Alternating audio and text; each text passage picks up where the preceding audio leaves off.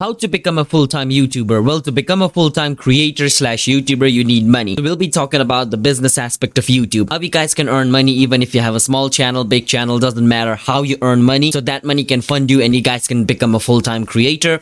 We'll be talking about that. I got all my tips and tricks from this video of Vid Summit 2022. You can watch that. Let's start the video. It's okay to have an AdSense as your source of money, but it fluctuates a lot since of the views being up and down. So having a secondary source of income which you can build off from YouTube could be helpful. So what it's trying to say is relying on AdSense money, it's okay on YouTube, but it fluctuates since you're always not going to get a lot of views. It goes up and down and that causes your money to go up and down.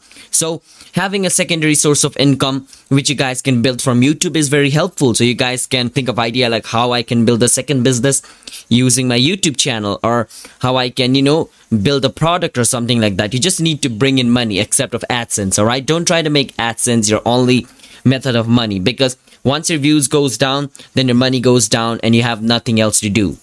You gotta go work in the nine to five job, which I just, I just never, I just wish I never have to work nine to five. I've tried it once and it's miserable. Now everybody has a different business style on how they make money. And don't compare yourself with others. Try to learn from them instead. So what this trying to say is everybody has a different style of like, you know, earning money or have like different sources of income. Just because Mr. Beast has six sources of income, it doesn't mean that you need to have six sources of income to become successful on YouTube. Airrack has less source of income than Mr. Beast, but he still has a successful YouTube channel, right? So what I'm trying to say is don't compare yourself with other. Try to like, you know, learn from them, alright? If you compare with them, then you're gonna be like, oh no, he does this, he does that, oh no, I'm doing this, that. You're gonna get negative thoughts. Instead, learn from them and think like, okay, he's doing this. Can I adapt what he's doing on my lifestyle or on my like, you know, YouTube channel? Think in that way and if you can't do it if you can't try to figure out a new way all right? It's important to diversify your income stream. As in the pandemic many brands didn't had the kind of budget to spend on creator. So having different income stream outside of youtube is important.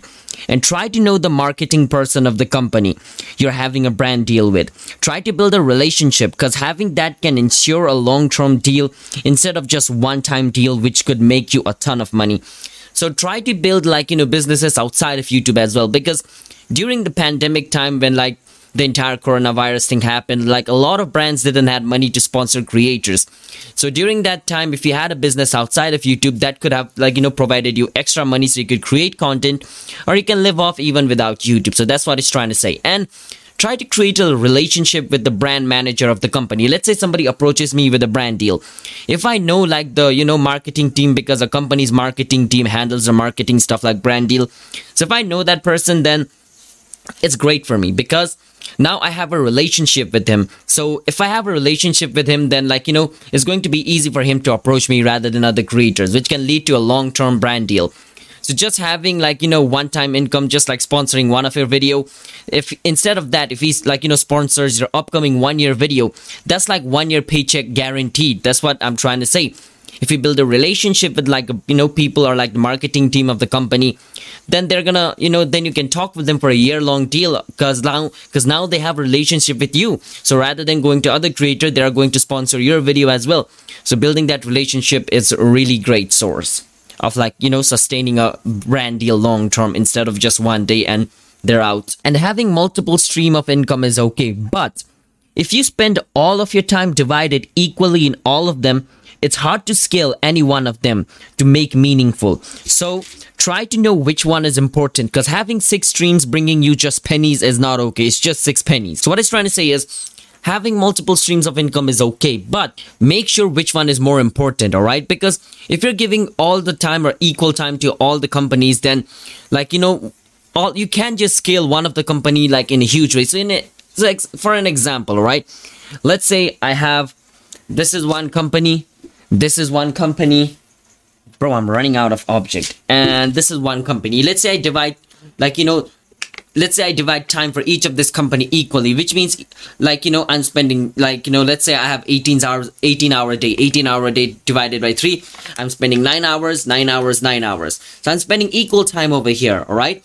So for me to scale a company bigger, I can't divide my time equally in all of this. I need to make sure which one of these companies is important. So let's say from these three companies, this uh, cream company is more important to me. That doesn't mean I'm gonna abandon these two company. That means I'm going to set time for these two company, but it's going to be a little. Let's say out of 18 hour, I spend five hours over here and five hours over here. Now I have eight hours, three hours extra for this company.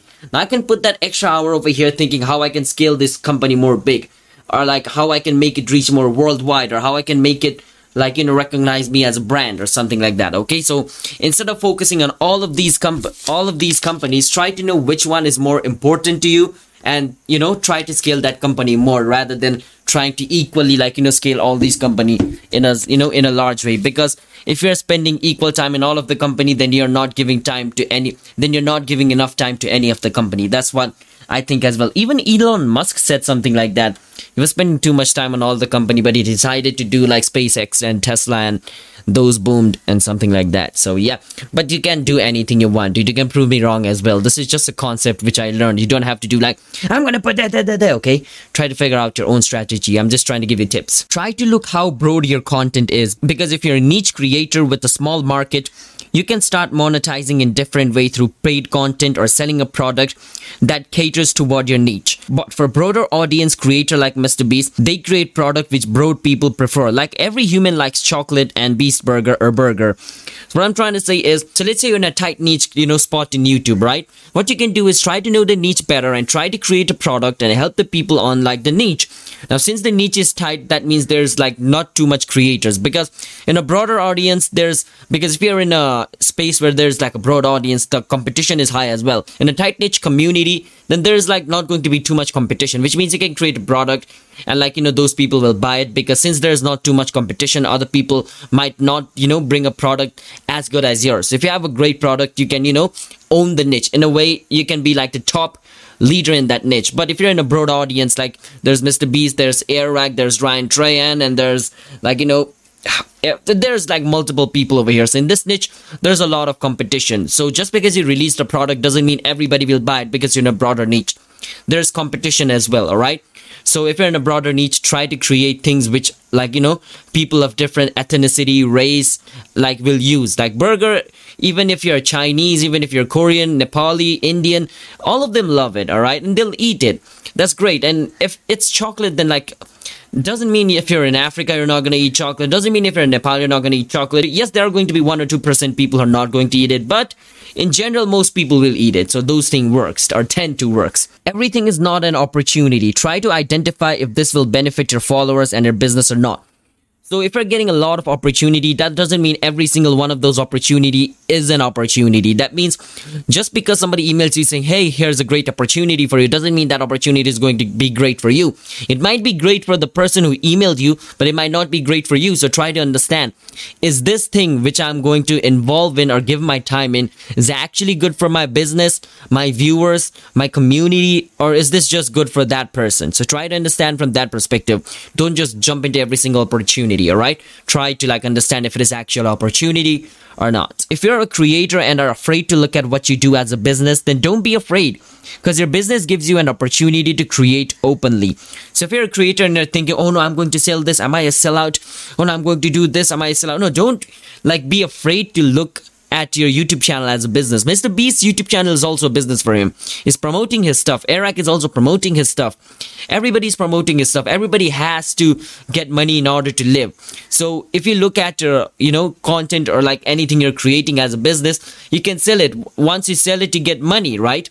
Once you get money, you can fund your other creation. You can live openly. Like, if you're like, let's say you're not looking at your YouTube channel as a business, then you have to eat. Where are you going to get money from? You're going to go to their nine to five job and earn money from there. And once you do that, you're working there nine to five. You can't give time to your YouTube channel fully. So, like, you know, trying to earn, don't be afraid if you're like, you know, trying to earn money from YouTube channel. Do not listen to what anybody says. You need to earn money to live because no matter what, say, oh, even if I didn't earn money from my YouTube channel, I will be doing this until I was 80, 90. Let's stop that, bro. Stop that. Like, yeah, even if you were not making money from your YouTube channel, you would you wouldn't be going as hard as you're going now. Mr. Beast might say, even if I didn't made a dime off of YouTube, I will still be doing YouTube. He might say that, but he has to eat food, and for that he needs money. Where is he going to get his money from if his YouTube channel is not paying? He's going to get a job. And if he had a job, then he wouldn't be able to put as much effort as he is in his current videos. Now, Mr. Beast doesn't have to worry about anything else except his YouTube channel. But if his YouTube channel was not bringing him money, he had to worry about where he was going to live, what he was going to eat, because if he's not eating, he's going to be dead. If he's dead, he's not going to be on YouTube. So you have to factor that thing in as well, alright? So don't be afraid think of your content as oranges. And if you squeeze it you get the juice from it which is your money. So what this trying to say is orange is your content. You squeeze you get the juice it's money right? So try to understand like orange juice way. The more juice you want which means aka the more money you want the more oranges you need to plant and some creators don't even squeeze their oranges enough, which means they're not like squeezing their content enough to get money from it. And think of opening new businesses, which means they already have so much content they can get money from, but they are ignoring them and they're trying to find new ways on how they can make more money. So let's say this is my YouTube video and this video had a potential of me making a million dollars, but I just said, nah, I'm not gonna do that. It's too hard. I'm going to find a new way to make more money, which means I'm leaving an opportunity which was so easy for me, my own content. I could squeeze and get the money out of it, a million dollars out of it, but I said, nah, and threw it away and tried to figure out something new from ground up. So that's different. That's what he's trying to say. Try to like, you know, squeeze money out of your content if you can. Now don't try to just over milk your content. I'm not trying to say like, you know, scam your viewers. I'm not trying to say scam your viewers. Make sure it's great for both you and your viewers. Try to think in that way. Most creators don't even squeeze their oranges enough and think of opening new businesses. Like, hey, you could sell your BTS or behind the scene of your YouTube channel on another platform on a monthly basis subscription, which will make you more money. Logan Paul did it. Sidemen are doing it with their Side Plus or this or that. You can find of any way you can. You could redistribute your long form content as short form and spread it on TikTok or any other platform and get more viewers from that platform and convert them into your YouTube channel, which means aka more views, aka more AdSense. You can do that as well. So a lot of people ignore the low hanging fruit because they compare themselves to the top 1% of the creator which means that a lot of people look at Mr. Beast Airrack and they think, oh, they're opening Pizzafy, Mr. Beast Burger, maybe I should open a food chain, maybe I should do that, do this, do that. They look at the top 1% YouTuber and think they should do the same thing. But the mistake they make is the way they are making money. Now, this is the mistake most people make because 1% of the creator had to work their way to the top to know how those things works. But there are a lot of steps to get there. So don't emulate the success, emulate the process, which means don't try to copy the success success. Try to copy their process, how they reach there. That's what he's trying to say in a simple way. And another thing is, it's super exciting to jump on new things and it's fun, but make sure what your main goals are. You don't have to be doing million different types of businesses. So what I'm trying to say is like we are all excited to do new, new we are all excited to do the new stuff as well, right? But you don't have to like jump into every single business idea you have. Oh, I have idea of cream. Let's make a cream. Tomorrow I have idea of making a water bottle. Let's make a water bottle. Tomorrow I have an idea of making ice cream. Let's make ice cream or something like that. Don't jump into everything in an excited way. All right. Try to think of it as well. I'm going to say this line again. Listen to it carefully. It's super exciting to jump on new things and new ideas, and it's fun as well. But make sure what your main goal is. You have to make sure is this idea worth me investing my time because I already have a $1 million company? Because if I take my time out of that company, that means I'm going to be making less money from that company. And I'm giving my time to this. So is it worth me giving this much time and effort so that I lose this much money from this company? Try to think of it in that way, alright? Now let's move on. And if you want to know whether or not you should get a manager, ooh, this is the great one. Most YouTuber, not small YouTuber, big YouTuber, they might be thinking or they might be watching this video. Should I hire a manager or not? I'm going to be answering that right now. So if you want to know whether or not you should get a manager, if you're landing brand deals consistently for some time, then yes, only hire them if you're getting a lot of deals and you find it hectic to deal with all of them. So what he's trying to say is, let's say you're, you know, you're getting brand deals consistently every video after video after video, and you're getting so much brand deal that it's hectic to manage all those things because nobody's going to email you and okay it's a brand deal done. You have to negotiate with them. You have to know your value. You have to go like you have to say oh i want this and they're going to say no. It's going to take time to negotiate with brands right? So if you're getting a lot of brand deals and it's getting hectic for you to negotiate with all of them then yes you need a manager so you need a manager. Now you know you need a manager. Now how would you get a manager or like, you know, what kind of contract you need with your manager? Because a lot of people hire a really bad manager and that ends up messing up with their content, their life, and all this thing. So let me tell you. And while hiring manager, find a manager and negotiate nothing longer than a one year contract. So if you're getting into a contract, make sure it's just one year. Don't try to sign a contract of two or three years. Even if it is like one million, two million, three million dollars, don't try to sign a contract more than one year, alright? Because let me tell you why. And even that should have some clauses you can get out of. So even if you're signing a one year contract, make sure there are some clauses which like you know, if they violate, you can get out of the contract. Don't sign a contract saying, okay, I'm going to like, you know, partner with you for one year and like, you know, after six months, they they introduce some new things. And now you can't get out of the contract and you don't agree with the new things. If you're working under that if you're working on a contract like that then it's bad for you because now you can't get out of the contract because you have already signed it and it's going to be illegal if you get out of there. You're going to be fined you're going to be jailed. And the other thing you're not even like you know agreeing with their concept. Yes six months ago you were agreeing with what they were saying but now they have suddenly changed it. They have suddenly changed the rule and now you can't even get out of the game right? So that's why like you know if you're signing a contract one year and make sure there are some like you know things if they violate you can get out of the contract all right? Because that's a safety net for you as well. Because you can't trust a person 100% yes i'm not saying everybody's fraud. What i'm trying to say is you cannot trust a company for 100% all right? They might like bring some changes you might not like. You might have some fight. You might argue. Yes there's a you know place where you might be happy for one year. Or yes there might be a place where you were happy for a five year contract but let's try to be a bit safe all right? It's just a general knowledge so it's important to not get into anything with a brand manager where they have ability to take a further upside in the business and things you start post contract. So what he's trying to say is make sure the contract is on your side. Do not make the brand manager have the upside on the contract because if he has the upside, he's going to control you. Rather than you controlling your content, he's going to control you, all right? And if you're being controlled then obviously your content then obviously your content is going to be controlled as well. So before signing the contract make sure if the contract is an advantage of you or the other person or if it is like you know both way equally. So try to do that. So be aware of the contract you're signing with a brand manager. As i said all of these things i've told you so be aware of what contract you're signing. Try to figure out how much money did my brand deal bring me in last year does 10 to 20% constitute to the full-time salary then you should hire somebody for the 20% you were about to pay up for the agency and build a team because now that person becomes a specialist for your team so at first, let's say you want to get brand deals and you hire like, you know, some agency and you pay them 10 to 20% of like all the brand deals they bring you, right? So try to calculate. So if, let's say you did brand deals for one year. Now you can, with an agency, now try to calculate the money you made. So let's say you got brand deal for a year and you made a total let's say x amount of money. And you pay 20% from the x amount of money to a you know agency. So i'm not going to say x. Most people are going to get confused. Let's say you made a hundred thousand dollars in a year, all right, from brand deals. And you pay 20% of that to an agency because they brought you brand deals. So think, all right, with that $20,000, could I hire a manager which could bring me brand deal instead of me paying for that agency?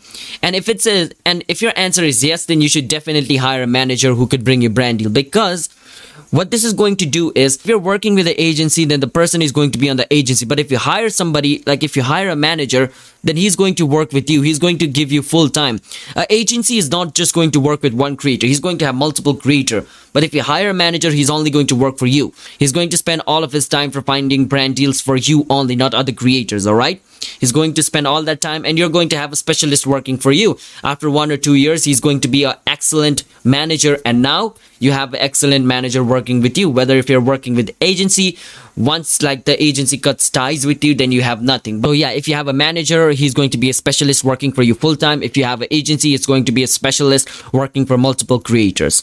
So make your choice. But first, make sure the 10 to 20% you make, you can actually hire somebody. All right. I didn't think with $20,000 you could hire a manager in US. So yeah, if you're making a million dollars, the 20% could come out to be 50, 60, 70,000 dollars. I guess my math is weak, but let's say 70,000 dollars. Then yes, of course, you can hire a manager for 70,000 dollars in US. In our country, yes, you can hire a manager for just $10,000 a year. Do one year contract because in first year, it will be hard to know how much revenue you will build. But if you can do that for a year, you will have that and you can get out of that agreement and hire someone to do the job. And you already know what the 10 to 20% of that money you will bring in is. So at first you might not know what the 10 to 20% of your brand deal is. So, you know, try to get with an agency for a year, all right? and as i said try to create some clause through which you guys can get out of the contract if it goes wrong all right so try to be in a so try to be in a relationship with the agency for a year. Once you do that you're going to know okay i'm getting this much brand deal i'm earning this much 10 to 20 10 to 20 percent of that money is this much. Okay with this much money i can hire a manager. But if you don't work with the agency for one year let's say you just worked with an agency for six months then the data you're going to get is not going to be that accurate. Because if you're working with an agency for a year then like the data you get is going to be more strong than the data you get with six months so try to at least work like you know six months with an agency and try to figure out the this and that how much money you make and once you're sure okay i can hire a you know manager i can pay him salary then then hire them. So that's it for today's video. Join our discord. Link is in the description. If you join our discord we talk about youtube all the time. So i can help you grow your youtube channel or you can help me grow my youtube channel. We can help each other out. So join the discord. There's other people as well. We always talk about youtube. If you're serious about becoming a youtuber then yes you should join the discord. Otherwise i'm going to think you're just going to watch this video forget about it. All right? That's it for today. Watch this video. Hit that subscribe button. I'll see you guys next time